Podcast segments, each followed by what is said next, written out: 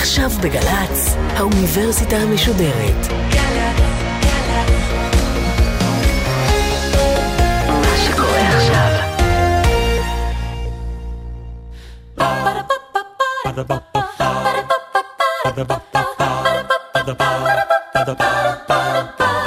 האוניברסיטה המשודרת מציגה מסע סביב רעיון, והסמסטר בחירה, והפעם הפרופסור אייל וינטר מהמרכז לחקר הרציונליות באוניברסיטה העברית על בחירות פוליטיות. עורכת ראשית מאיה גאייר.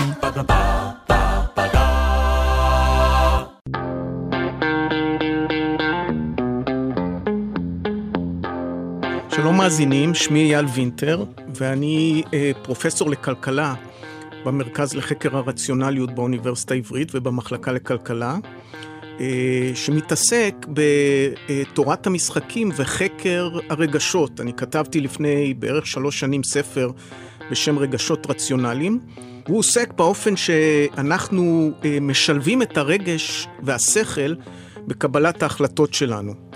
עכשיו, בספר אני מספר שבדרך כלל בהחלטות שאנחנו מקבלים, אנחנו עושים שיתוף פעולה מאוד יפה בין השכל לרגש, אבל יש תחום אחד שבו אנחנו לא עושים את זה כל כך טוב, וזה בתחום ההחלטות הפוליטיות שלנו, ועל זה אני רוצה לדבר איתכם היום. So one guy's your buddy, and one guy's rich, and one guy's a guy you'd like to make your bitch.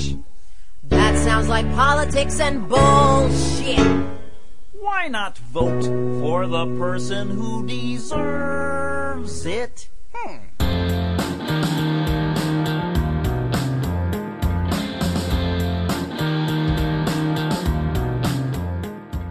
אני אתחיל בסיפור ששמעתי מאבא שלי. אבא שלי גדל בגרמניה בתחילת השלטון הנאצי.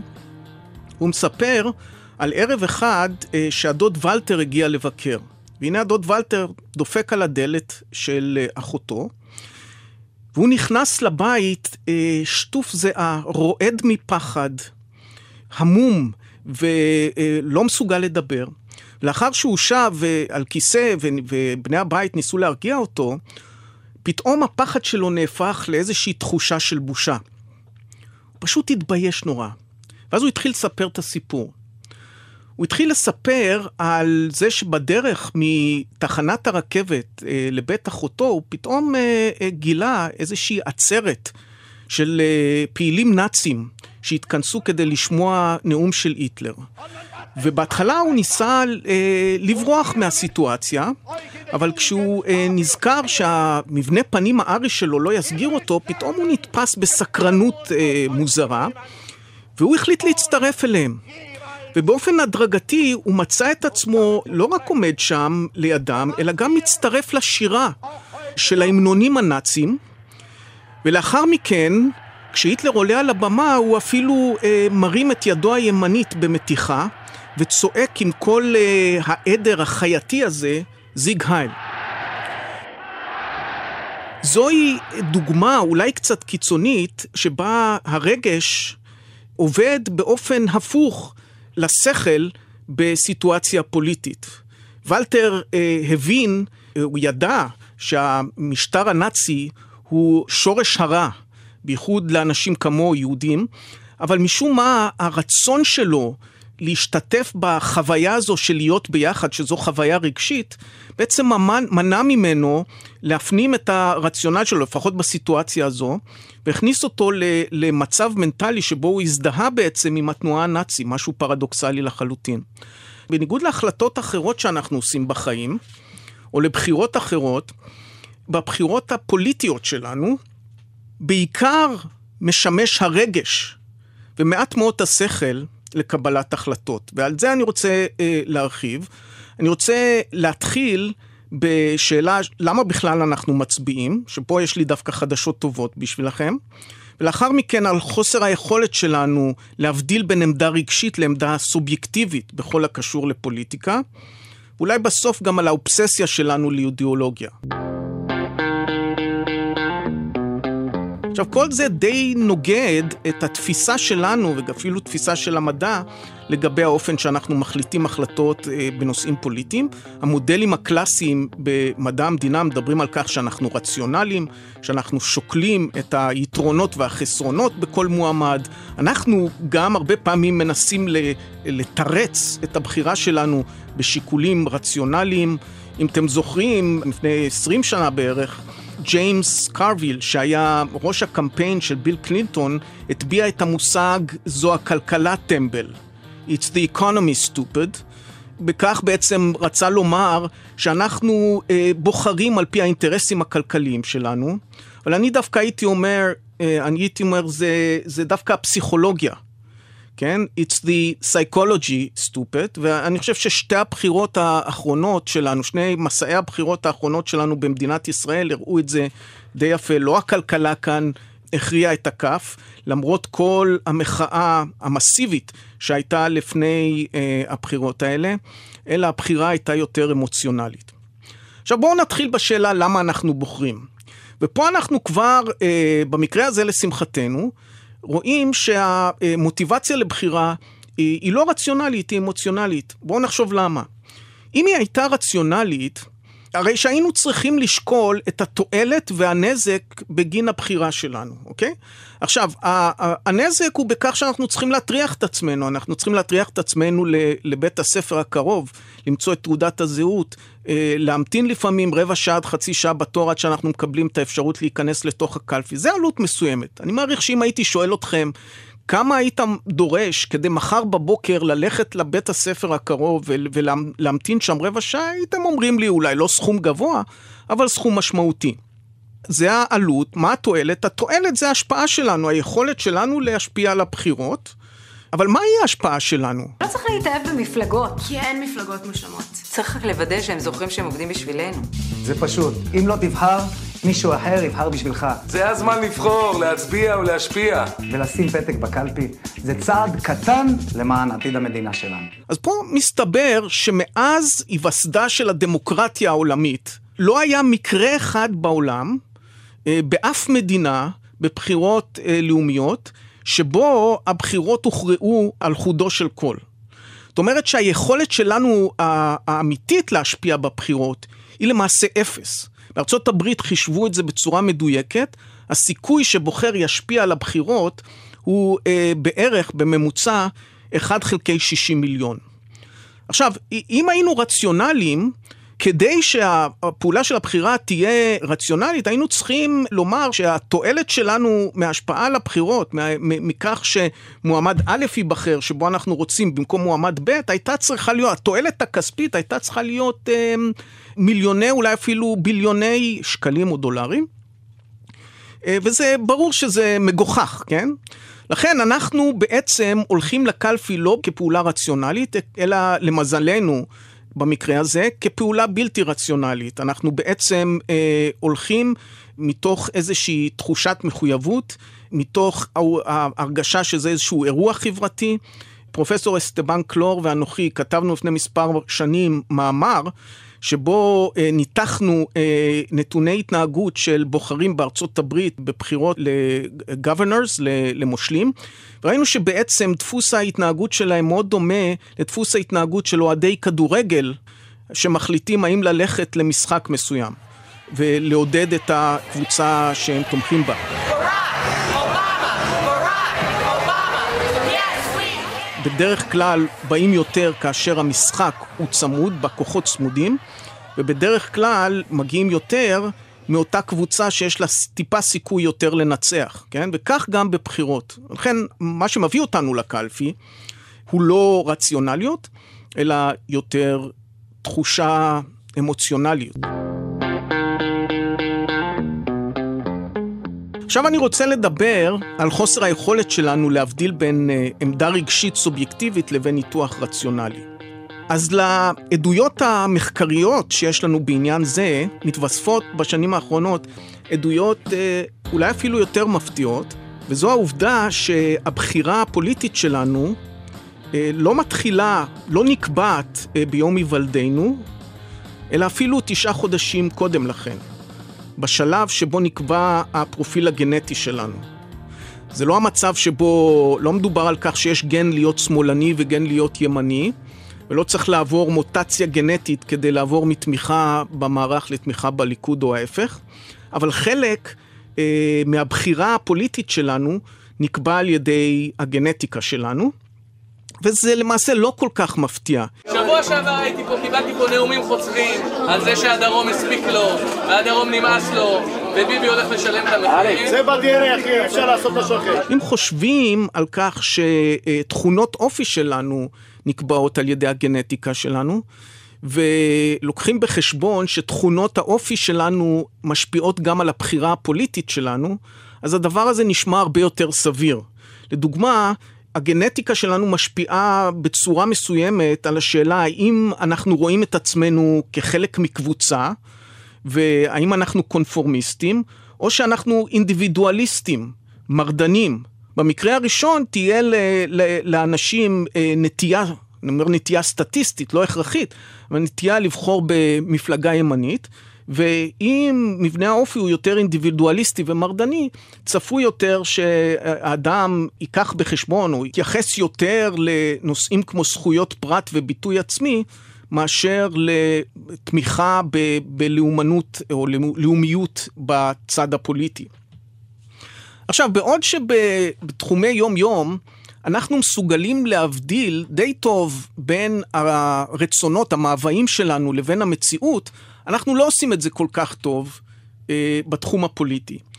בתחום האישי, אנחנו יכולים למצוא הרבה אנשים, לדוגמה, שמעשנים סיגריות, והם יגידו בצורה חד משמעית, אה, שהם יודעים שזה לא בריא, לא בריא להם, שזה גורם נזק בריאותי, ואף על פי כן הם, הם נהנים לעשות את זה, הם רוצים לעשות את זה, ו, ויש להם דיסוננס בין המציאות לבין הרצון שלהם לעשן. בפוליטיקה זה הרבה הרבה יותר נדיר, או כמעט לא קיים. תנסו לחשוב לדוגמה על עמדה פוליטית אה, ימנית, וזה קיים גם בשמאל, אני אביא דוגמאות גם בצד השני. כל עמדה פוליטית, וגם עמדה פוליטית ימני, יש בה אספקט של מוסר, שבא ממקור יותר רגשי.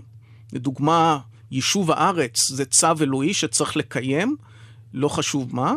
ואספקט אה, רציונלי, האם, האם זה טוב לביטחון ישראל, נניח אה, החזקת השטחים, האם זה טוב לביטחון ישראל או רע לביטחון ישראל, האם זה טוב לרווחת ה, אה, תושבי המדינה או, או, או, או שזה פוגע ברווחתם. אין כמעט אנשים שיחזיקו בעמדה או שיאמרו על עצמם, כן, אני יודע שהחזקת השטחים היא רעה לביטחון מדינת ישראל, שהיא פוגעת אה, באורח החיים של תושבי מדינת ישראל, אבל מה לעשות, אני, יש לי את האמונה הזו, ואני אתנגד להחזרת שטחים, משום שזה צו אלוהים, משום שזה תחושת, ה, אה, תחושת הבטן שלי, משום שזה איפה שנמצאות הרגשות שלי. כך גם אה, בשמאל. אנחנו כמעט לא נמצא אנשים שיאמרו, אני מאמין אה, שכיבוש זה מה שיחזיק את ביטחון מדינת ישראל, ואם, ואם נפסיק את הכיבוש אנחנו נהיה במצב ביטחוני רעוע, ויפגע גם בכלכלה שלנו. אה, אבל מה לעשות, אני מאמין שכיבוש זה דבר רע מיסודו מבחינה מוסרית, ולכן אני בעד סיום הכיבוש מהאספקט המוסרי, למרות שהוא פוגע באזרחי מדינת ישראל. אין כמעט תופעות כאלה. ההפך, אנחנו מנסים לגבות את הרגשות שלנו, את העמדות המוסריות שלנו, בעובדות, בבחירה סלקטיבית של עובדות, ויש על כך אה, עדויות רבות. אני אתן אה, כמה מהן. אז ראשית כל, על ההשפעה של רגש אה, בתחום הבחירה הפוליטית שלנו, ישנם שתי עבודות מעניינות אה, של אה, קולגות שלי באוניברסיטה העברית. אחת מהן של אה, דוקטור פזית אה, בן נון הראתה שכאשר מבקשים מפרטים להביע את העמדה שלהם לגבי נושא אידיאולוגי, כמו לדוגמה דעתם על נישואים של אה, הומוסקסואלים, אז עמדתם תהיה מושפעת ממניפולציות שהן בכלל לא רלוונטיות לעמדה. לדוגמה, ברגע שיראו להם תמונות של מזון מקולקל לדוגמה, הם יגלו עמדות הרבה יותר קיצוניות בשאלה של הומוסקסואלית, מאשר כאשר יראו להם אוכל אה, אה, טעים.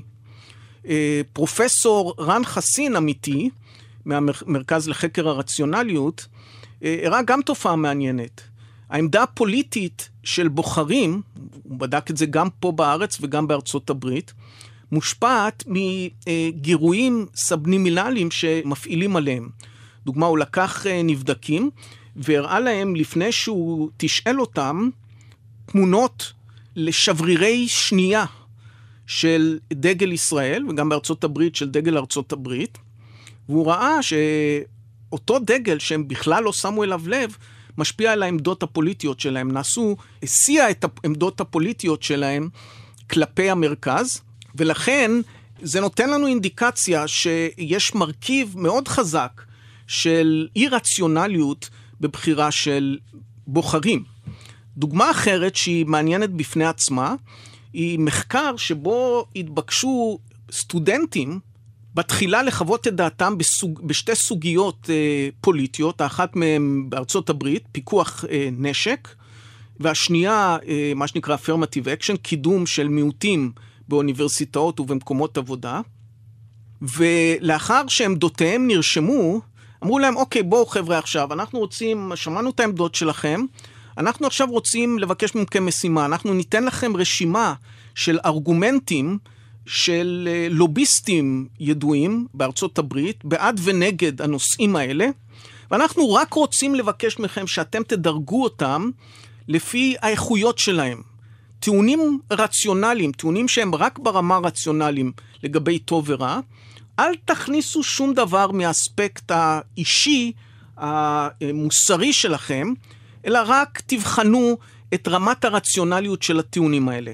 האנשים האלה לא היו מסוגלים לעשות זאת, למרות שקיבלו פיצוי כספי לדירוג נכון, על פי דירוג שנעשה, אובייקטיבי, שנעשה על ידי מומחים.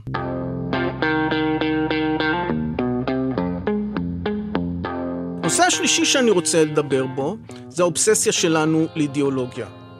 אנחנו מחפשים מנהיגים אידיאולוגיים. תארו לעצמכם מנהיג שהיה מציג את מועמדותו לראשות ממשלה והיה בא ואומר לציבור, תשמעו, אני לא שמאל ואני לא ימין, אין לי עמדה פוליטית בעצם בשום נושא, אלא אני הולך להחליט בכל נושא על פי הניסיון שלי ועל פי הכישורים שלי, באופן שהוא יהיה ספציפי לאותו נושא. אדם כזה לא היה נבחר על ידי אה, אפילו למנדט בודד. רק מי שזוכר שמפלגות המרכז הן המפלגות של הקולות הצפים, יודע שאין שם כלום. אם השמאל זז קצת ימינה, אז גם המרכז זז קצת כדי לא לאבד את מרכזיותו. ואם הימין זז שמאלה, אז המרכז שט בחוסר חשק לשם. המשיכה שלנו לאידיאולוגיה בעצם פוגעת באינטרס הציבורי שלנו. משום שאין שום אידיאולוגיה שהיא נכונה בכל מצב ובכל סיטואציה, חוץ כמובן מהאידיאולוגיה שאומרת צריך להחליט בכל מצב ובכל סיטואציה על פי המצב והסיטואציה, כלומר ללא אידיאולוגיה. אין אה, מדי פעם הסוגיה שעומדת לפתחנו, התשובה הנכונה לה היא עמדה ימנית, ומדי פעם התשובה הנכונה לה היא עמדה שמאלית. ברגע שאנחנו מגלים כמיהה למנהיג אידיאולוגי, אנחנו בעצם קושרים את ידיו מאחורי הגב. אנחנו אומרים לו, גם כאשר, לדוגמה, העמדה הנכונה תהיה עמדה שמאלנית או שמאלית, אה, אתה מחויב לבחור בעמדה הימנית וההפך. יכול להיות שצריך לחזור לנהל קמפיינים, שוב, על בסיס הדבר הפשוט, שקוראים לו אידיאולוגיה. עם אידיאולוגיה, כן, הולכים למכולת. האידיאולוגיה, יש בה שני מרכיבים. כשלאדם יש עמדה אידיאולוגית, יש בה מרכיב רגשי, שהוא בא מהתחום המוסרי, ויש בו את האספקט הרציונלי, כן? האם זה טוב לנו או לא טוב לנו. ו, ואנחנו מערבבים את שני האספקטים האלה, אנחנו מערבבים את האספקט הרגשי ואת האספקט הרציונלי, ובעצם נותנים את כמעט כל זכות הדיבור לצד הרגשי. את הצד הרציונלי אנחנו בעצם מגייסים כדי לתמוך בעמדה הראשונית שהיא בבסיסה עמדה רגשית. אם היינו יכולים לעשות הפרדה יותר בין שני הגורמים האלה, היינו יכולים אה, לשקול אה, את הרצונות שלנו הרצונות היותר רגשיים, עם התועלת או הנזק הרציונלית שהעקרונות האלה אה, יכולים להביא. אבל כיוון שאנחנו לא מסוגלים לעשות את זה טוב, כיוון שאנחנו בעצם ברובנו מגייסים את הרציונליות כדי לתמוך ברגש, האידיאולוגיה בהרבה מקרים מביאה לתוצאה לא טובה לנו כחברה.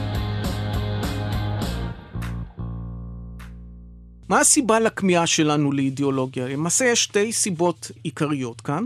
הסיבה הראשונה קשורה לעובדה שבחירה פוליטית היא דרך למסור מסר לסביבה החברתית שלנו לגבי עצמנו, לגבי העדפות שלנו, לגבי אה, איזה סוג של אנשים אנחנו. והרבה פעמים, כשם שאנחנו עושים את זה בפרטי הלבוש שאנחנו בוחרים לעצמנו, או בסוג המועדון שאנחנו נלך לבלות בו, אנחנו עושים, את, מוסרים את האינפורמציה הזו לסביבה החברתית שלנו דרך, אה, דרך ההתנהגות הפוליטית שלנו, דרך ההצבעה בקלפי. עכשיו, מחקר מעניין הראה, ש, אה, שנעשה בארצות הברית, הראה שבוחרים מגלים אהדה למועמדים שיש להם דפוסי אופי מאוד דומים לשלהם. זאת אומרת, אנחנו מחפשים בהרבה מצבים מנהיגים שידמו לנו מבחינת האופי שלהם, משום שזה אה, הדרך שלנו לספר על עצמנו. בכך שאנחנו אומרים, אנחנו מעדיפים את מועמד א' על פני מועמד ב', אנחנו מעדיפים את עמדה פוליטית א' על עמדה פוליטית ב', וכפי שהראינו גם קודם, כפי שטענו קודם, עמדות פוליטיות מאוד קשורות למבנה האופי שלנו. בזה שאנחנו חושפים את העמדות הפוליטיות שלנו ואת התמיכה שלנו במועמדים, אנחנו בעצם משדרים לסביבה החברתית שלנו מי אנחנו. זה צורך מאוד יסודי ומכשיר מאוד נחוץ כדי לבנות את המסגרת החברתית שלנו. זוהי קריאה אחרונה לשמאלנים. לך, שמאמינה בצדק חברתי, לך, שמתנגד לכפייה דתית, לכל מי שמאמינים בשוויון ובזכויות אדם. אני מצביעה לבית היהודי, כי זה הבית שלי. הסיבה השנייה שאידיאולוגיה כל כך קוסמת לנו, נובעת מהחשש הבסיסי שלנו לכנות של המועמדים, או לעובדה שבאמת הם נמצאים בתפקיד שלהם על מנת להטיב עם הציבור. אחת התופעות שצפויות לקרות כאשר מועמד באמת יבוא ויגיד, אין לי עמדה פוליטית, אני אעשה, אני אחליט בכל נושא על פי אה, הנושא עצמו ועל פי רציונליות מוחלטת. התופעה שתקרה מבחינת תגובת הציבור, שאנחנו נחשוב, אה, נתייחס אליו כאופורטוניסט, כמישהו שנמצא שם כדי לעשות לביתו, ו- ולא כדי לעשות למען, אה, למען הציבור.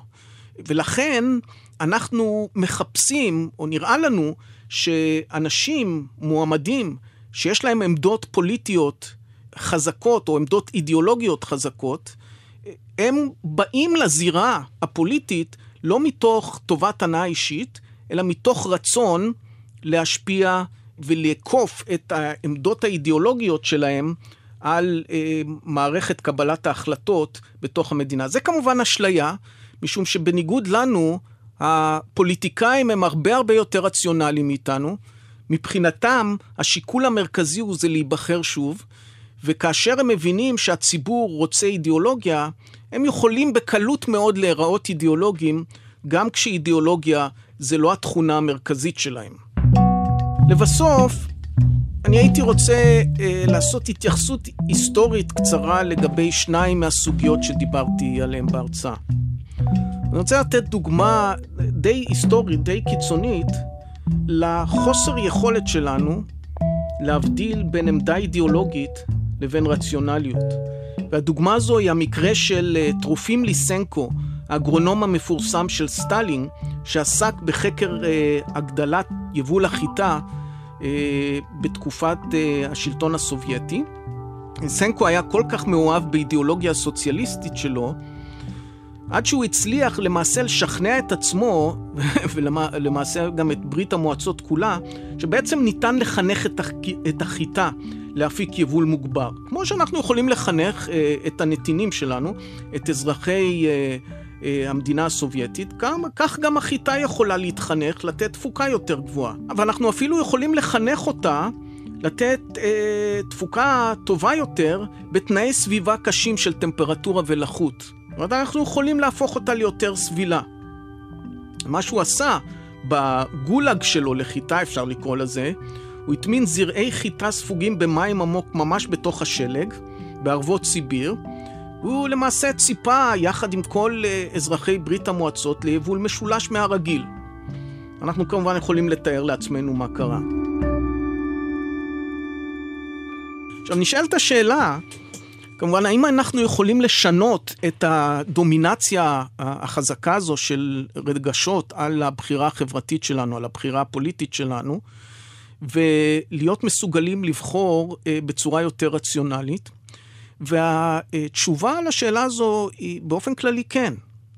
אין איזושהי אסטרטגיה מאוד אה, ברורה איך לעשות את זה, אבל יש, אה, יש הצעה.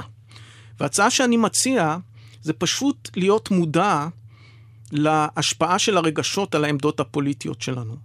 זאת אומרת, לשאול את עצמנו בכל פעם שאנחנו או מצויים בוויכוח פוליטי, האם ההתעקשות שלנו על עמדה כזו או אחרת נובעת אה, מתחום הרגש, או שיש בה בסיס רציונלי באמת.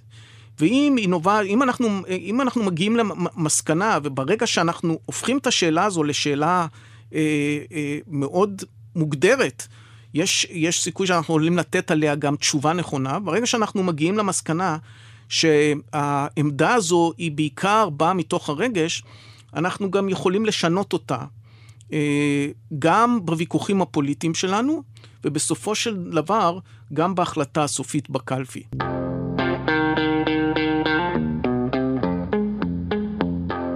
האספקט ההיסטורי הנוסף שאני רוצה להדגיש כאן, וממש אה, לסיום, הוא בחינה של התועלת והנזק שאידיאולוגיה גרמה, לפחות בתקופה אה, של ההיסטוריה החדשה. האידיאולוגיה שבעצם נולדה בסוף המאה ה-19, היו לה הבטחות גדולות לחברה טובה יותר. אבל היא מצאה את עצמה במאה שנים שלאחר מכן, מעט מאוד הצלחות, אם אנחנו ננסה אה, לספור אותם. אבל עם מאות מיליוני קורבנות שנרצחו על ידי uh, גדולי האידיאולוגים uh, בכל הזמנים. אני מדבר על אדולף היטלר, על יוסף סטלין ועל מאו צה-טונג. לכן אני חושב שאם נבין את הכמיהה שלנו לאידיאולוגיה ואת האופן שהיא מעוותת את שיקול הדעת שלנו בהרבה מצבים, יש סיכוי שיום אחד uh, אפילו נצליח לוותר עליה. ואני מאמין שכשזה יקרה, אנחנו כולנו נחיה טוב יותר. Ba-da-ba-ba-ba. Ba-da-ba-ba-ba. Ba-da-ba-ba-ba. האוניברסיטה המשודרת, מסע סביב רעיון. הפרופסור אייל וינטר מהמרכז לחקר הרציונליות באוניברסיטה העברית על בחירות פוליטיות. עורכת ומפיקה דרור שדות. ביצוע טכני טל וניג. מפיקה ראשית אביגיל קוש. מנהלת תוכן מאיה להט קרמן. האוניברסיטה המשודרת, בכל זמן שתרצו. באתר וביישומון של גל"צ וגם בדף הפייסבוק של האוניברסיטה המשודרת.